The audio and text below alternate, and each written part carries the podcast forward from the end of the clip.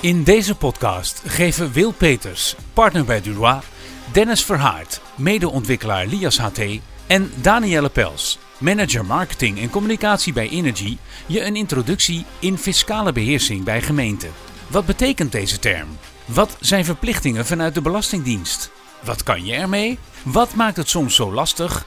En hoe pakken andere gemeenten dit aan? Luister snel naar het eerste deel van onze serie van drie podcasts over horizontaal toezicht en fiscale beheersing. Goeiedag, eh, mijn naam is Danielle Pels. Ik zit hier samen met Dennis Verhaart en Wil Peters. En wij maken voor jullie een podcast in drie delen over fiscale beheersing, horizontaal toezicht en de monitoringsoplossingen van horizontaal toezicht. Um, ikzelf, mijn naam is Danielle Pels. Ik ben marketingmanager bij Energy.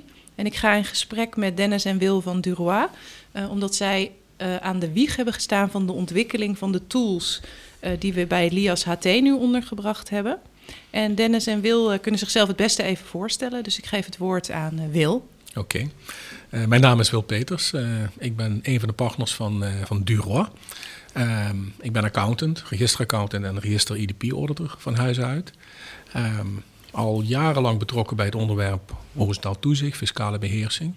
En een jaar of zes geleden, vijf, zes geleden, uh, Dennis ontmoet. En samen met Dennis zijn wij uh, begonnen met het ontwikkelen van een applicatie om uh, monitoring van een fiscaal beheersingsraamwerk mogelijk te maken. Even kort mijn, mijn achtergrond. Dennis. Ja, mijn naam is uh, Dennis Verraert. Um, ik ben uh, mijn loopbaan begonnen eigenlijk bij Centric, een, financiële, uh, ja, eigenlijk een financieel pakketleverancier voor gemeenten. daar heb ik diverse gemeenten ondersteund. ik ben begonnen bij het boeken van de factuur tot en met de begeleiding van een herindeling. vervolgens ben ik een, of heb ik een overstap gemaakt naar een fiscaal adviesbureau. Daar heb ik een vijftal jaar gewerkt. Daar heb ik veel btw-onderzoeken gedaan. Uh, dat was steeds handmatig klaarzetten. Nou, Wil gaf het al aan in 2015 of 14 hebben we elkaar leren kennen. Toen hebben we al gedacht, dit moet makkelijker kunnen of geautomatiseerd. In 2016 heb ik de overstap gemaakt naar Durois. En, en zijn we gestart eigenlijk met, uh, met onze oplossing die nu uh, Lias HT heet. En die gaan we vandaag verder op in. Dankjewel. Um, vandaag deel 1 van de podcast. de podcast heet Fiscale Beheersing. Uh, Wil, die zal ik vooral met jou uh, bespreken vandaag. Dennis uh, vult af en toe aan. in de latere podcasts komt Dennis wat meer aan het woord. Ehm, de eerste is dus, wat is fiscale beheersing eigenlijk überhaupt? Ja, een goede vraag, Daniel. nou ja, de naam zegt het al. Fiscale beheersing gaat over het beheersen van de fiscaliteit. En meer bepaald het beheersen van de fiscale risico's. Ehm, fiscale risico's kunnen zijn. Uh, de kans dat je een fiscale fout maakt die uiteindelijk leidt tot een naheffing of navordering. Maar het kan ook zijn dat je een kans, een fiscale kans die je hebt om een belastingvoordeel te halen, niet benut. Uh, nou, fiscale beheersing is niet iets wat op zichzelf staat. Uh, het is een onderdeel van je totale beheersing, wat ook wel business control wordt genoemd. En een subset daarvan, een onderdeel daarvan, is fiscale beheersing. Het heeft veel met elkaar te maken. En het een leunt ook op het ander. Dus wij uh, steunen op de, het business control framework van een klant. Mm -hmm. En uh, voor fiscaliteit voegen we daar nog een aantal specifieke fiscale maatregelen aan toe. Om, zodanig, om zo te zorgen dat je uiteindelijk fiscaal in controle bent. En als ik het goed begrijp, levert fiscale beheersing je dus geld op of voorkomt dat je boetes krijgt en geeft een ja algeheel in control beeld. Ja, je, je beheerst je fiscaliteit, je krijgt voorspelbare fiscale geldstromen. Je wordt niet geconfronteerd met eh, onaangename verrassingen achteraf.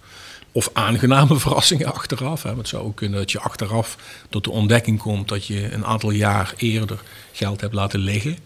Nou, dat is op zich natuurlijk wel weer positief, maar je had het liever in dat jaar eh, willen ontvangen. Uh, nou, om die voorspelbaarheid uh, van de fiscale geldstromen uh, op, op niveau te krijgen, zul je iets aan fiscale beheersing moeten doen.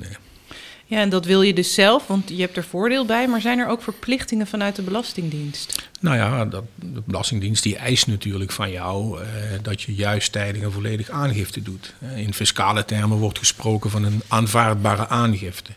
Dat betekent dat jij gewoon een juiste aangifte moet indienen. Dat hoeft niet tot op de laatste cent nauwkeurig te zijn. het is wel zo op het moment dat jij weet dat er bepaalde zaken spelen, dan moeten die in je aangifte zitten. Dat is, dat is helder. En wij doen dit vooral rondom LIAS HT bij gemeenten. Uh, wat is het algemene beeld van de fiscale beheersing bij gemeenten in Nederland? Nou, wij hebben in 2020 hebben we daar uh, een onderzoek naar gedaan, uh, zelfs uitlopen naar 2021. We hebben een twintigtal gemeentes benaderd om een, aan de hand van een vragenlijst in kaart te brengen hoe zij op de verschillende onderdelen van fiscale beheersing scoorden. nou, die vragenlijst die is ingevuld door medewerkers die met fiscaliteit belast waren binnen de verschillende gemeentes.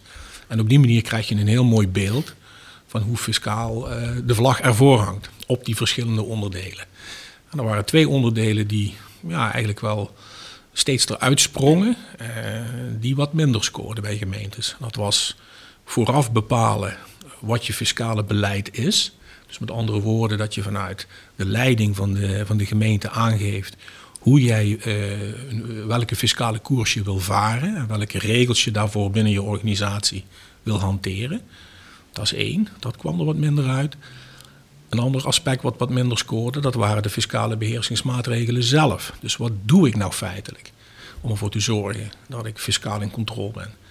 En dat zijn natuurlijk best belangrijke onderdelen mm die, eh, die toch wat minder scoorden binnen de gemeentes.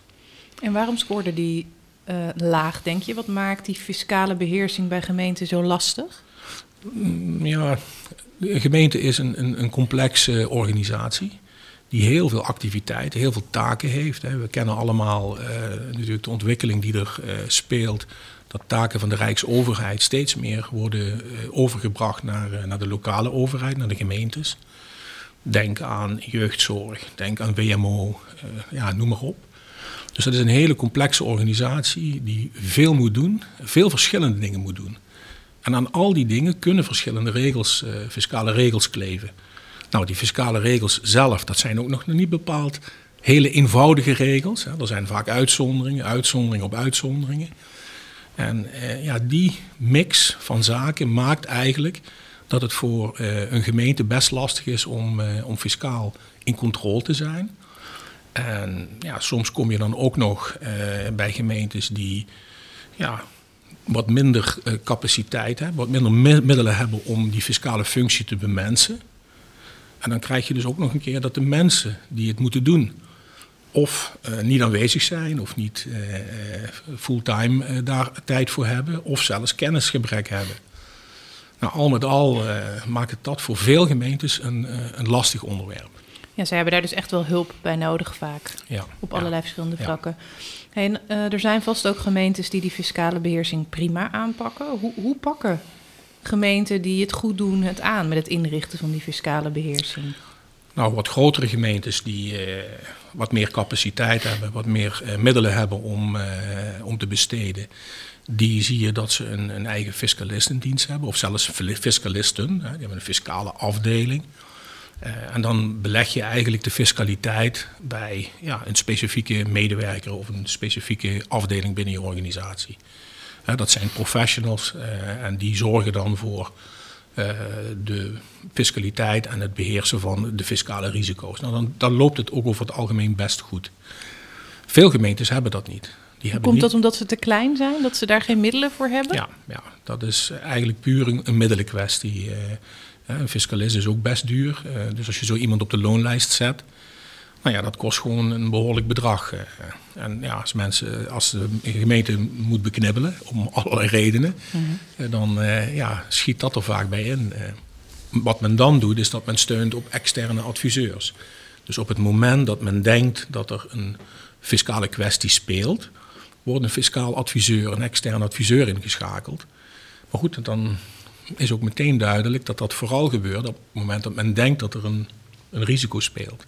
Of dat er een kwestie is die behandeld moet worden. Niet preventief, om het vooraf al goed te organiseren? Nee, dus die fiscaal uh, adviseur, die, ja, die, die is reactief. Uh, die wordt reactief ingezet. Op het moment dat er iets aan de orde is, nou, wordt die ingevlogen. Die is niet continu in de organisatie aanwezig. Dus inderdaad, die preventie, die, eh, ja, die preventieve werking, die gaat daar veel minder van uit. Ja, en je noemt het al, er wordt een extern iemand ingehuurd. Wat zijn voor jou betreft de eisen die je zou moeten stellen aan partijen die jou als gemeente bij het inrichten ondersteunen? Uh, nou ja, ik denk dat je als gemeente kunt kijken naar, uh, naar kantoren die belastingadviseur zijn, accountantskantoor zijn en die aan bepaalde beroepseisen voldoen, mensen die aan bepaalde beroepseisen voldoen. Dan praten we over mensen die de NOB-kwalificatie hebben als, als fiscalist. Wat is NOB? De Nederlandse Orde van Belastingadviseurs. Oké. Okay. Um, een RA-kwalificatie van, uh, van de Nederlandse beroepsvereniging van accountants. Uh, of een IT-auditor-kwalificatie uh, van de NOREA, Nederlandse Orde van Register, EDP-auditors. En dan weet je dat je met gekwalificeerde mensen van doen hebt. De kantoren als zodanig, die kunnen ook aangesloten zijn. Die zijn ook meestal aangesloten bij een beroepsvereniging, de SRA bijvoorbeeld, samenwerkende registeraccountants. En dan weet je dat je in een, uh, in een setting zit met een kantoor en mensen die een bepaalde professionele standaard hebben. Mm -hmm. Ik denk dat dat heel belangrijk is om, uh, om naar te kijken. De meeste collega's, conculega's hebben dat ook. Uh, maar goed, er lopen ook wel partijen rond de markt die dat niet zijn. En dat lijkt inderdaad interessant. Maar ja, langere termijn. loop je een risico? Loop je misschien ook daar wel risico in. Ja, ja. snap ik. Um, nou ja, we hebben natuurlijk bij uh, Energy tegenwoordig Lias HT. Hè? Sinds dit jaar uh, uh, hebben we die bij onze Lias productsuite gekregen. Um, ik vraag me af, als je die nou inschakelt, hè, de, de tools van Energy, wat is dan je voordeel? Um, als je de tools van Energy gebruikt, dan weet je eigenlijk dat je een product uh, gebruikt wat door professionele partijen is ontwikkeld. Mm -hmm. uh, enerzijds is dat Duran geweest met uh, de kennis van fiscaliteit, met kennis van, van controle en IT. maar Energy is natuurlijk een gerenommeerde partij als het gaat om het, het, neerzetten van een in-control applicatie voor gemeentes. Dus een, een, behoorlijke organisatie, een behoorlijk grote organisatie, die dat gewoon op een goede, professionele manier kan doen. Wij hadden die applicatie dus in eerste aanleg ontwikkeld. Mm -hmm. Maar goed, wij zijn een accountantskantoor, een belastingadvieskantoor. Wij zijn niet een IT-bedrijf. En je ziet dat het level van professionaliteit eh, dus ook enorm eh, stijgt op het moment dat je zo'n applicatie bij Energy onderbrengt. Ja, die ook aansluit weer op de andere modules. Die ook weer volledig aansluit op de andere modules. Hè. Energy zit in die markt, eh, is, is actief op het gebied van financial control. En zoals ik net al aangaf, uh, vanuit business control naar fiscaal in controle zijn is een relatief kleine stap. Mm -hmm. En die stap heeft Energy nu gezet. Ja, en uh, je kan Duroa ook nog steeds inschakelen voor diensten. Wat voor diensten moet ik dan aan denken? Nou, wij zijn in beginsel een, een fiscaal adviesbureau. Dus wij kunnen op alle vlakken BTW, loonheffing, werkkostenregeling, vennootschapsbelasting, fiscaal advies verlenen. Uh, voor alle middelen die er zijn, uh, doen wij ook de fiscale aangifte als partijen dat willen. Voor de gemeentemarkt is dat vooral de, de, de de VPB-aangifte. Uh, en zeker gemeentes die wat kleiner zijn, die laten dat bijvoorbeeld door, door doen. De grotere gemeentes beschikken over een eigen fiscalist of eigen fiscalisten. En die zullen ervoor kiezen om de vennootschapsbelastingaangifte zelf te doen. Ja. Naast de producten, eh, of naast de diensten die wij leveren, fiscaal advies en eh, eh, aangiftewerk, uh, ja, zijn wij ook zeer actief op het vlak van, van überhaupt het ondersteunen van gemeentes bij uh, de fiscale beheersing. Dus hoe zet je een fiscaal beheersingsraamwerk op? Hoe richt je je monitoring in? Uh, hoe ga je om met de resultaten daarvan? nou, dat is een beetje de, het spectrum waar we actief zijn. Jullie sluiten een beetje aan op leuker kunnen we het niet maken, maar wel makkelijker. Ja, ja dat proberen wij wel. Eh, de Belastingdienst, eh, dat is de slogan van de Belastingdienst mm -hmm. jaren geleden. nou ja, goed, wij proberen het wel makkelijker te maken voor precies, de klant. Ja. Precies. Um, Wil, als je nou terugkijkt naar uh, de afgelopen jaren, kan je dan eens een mooi voorbeeld geven van wat je ergens aantrof en wat je hebt kunnen betekenen met de tools en de diensten van Duroa toen en nu Lias HT? Nou ja, ik denk dat dat, een, dat is niet één voorbeeld. Ik denk dat we bij veel gemeentes uh, een onontgonnen terrein hebben betreden. Ja, we hebben dingen gedaan bij een gemeente die ze voorheen niet deden, niet konden omdat de mensen niet over de juiste middelen beschikten. En de tool LIAS HT maakt het mogelijk voor een gemeenteambtenaar om vrij gemakkelijk de hele financiële administratie eh, te benaderen, door te spitten. Eh, om op die manier eh, fiscale risico's en of kansen op te sporen en daar op te reageren. Ja. En dat was iets wat voorheen voor een gemiddelde gemeenteambtenaar gewoon niet kon. zij hebben toegang tot de financiële administratie, maar dat is ja, via de applicatie die daarvoor gebruikt wordt binnen de gemeente. en dat is niet een, een, een ja, het is meer transactie voor transactie. Dus uh, zij zien details, maar ze hebben geen totaaloverzicht. En de LIAS HT-applicatie eh, kijkt eigenlijk naar de hele bak, naar alle transacties. Ja, je kunt er doorheen scrollen, bij wijze van spreken, als je dat zou willen. Ja. is niet handig, maar het zou wel kunnen.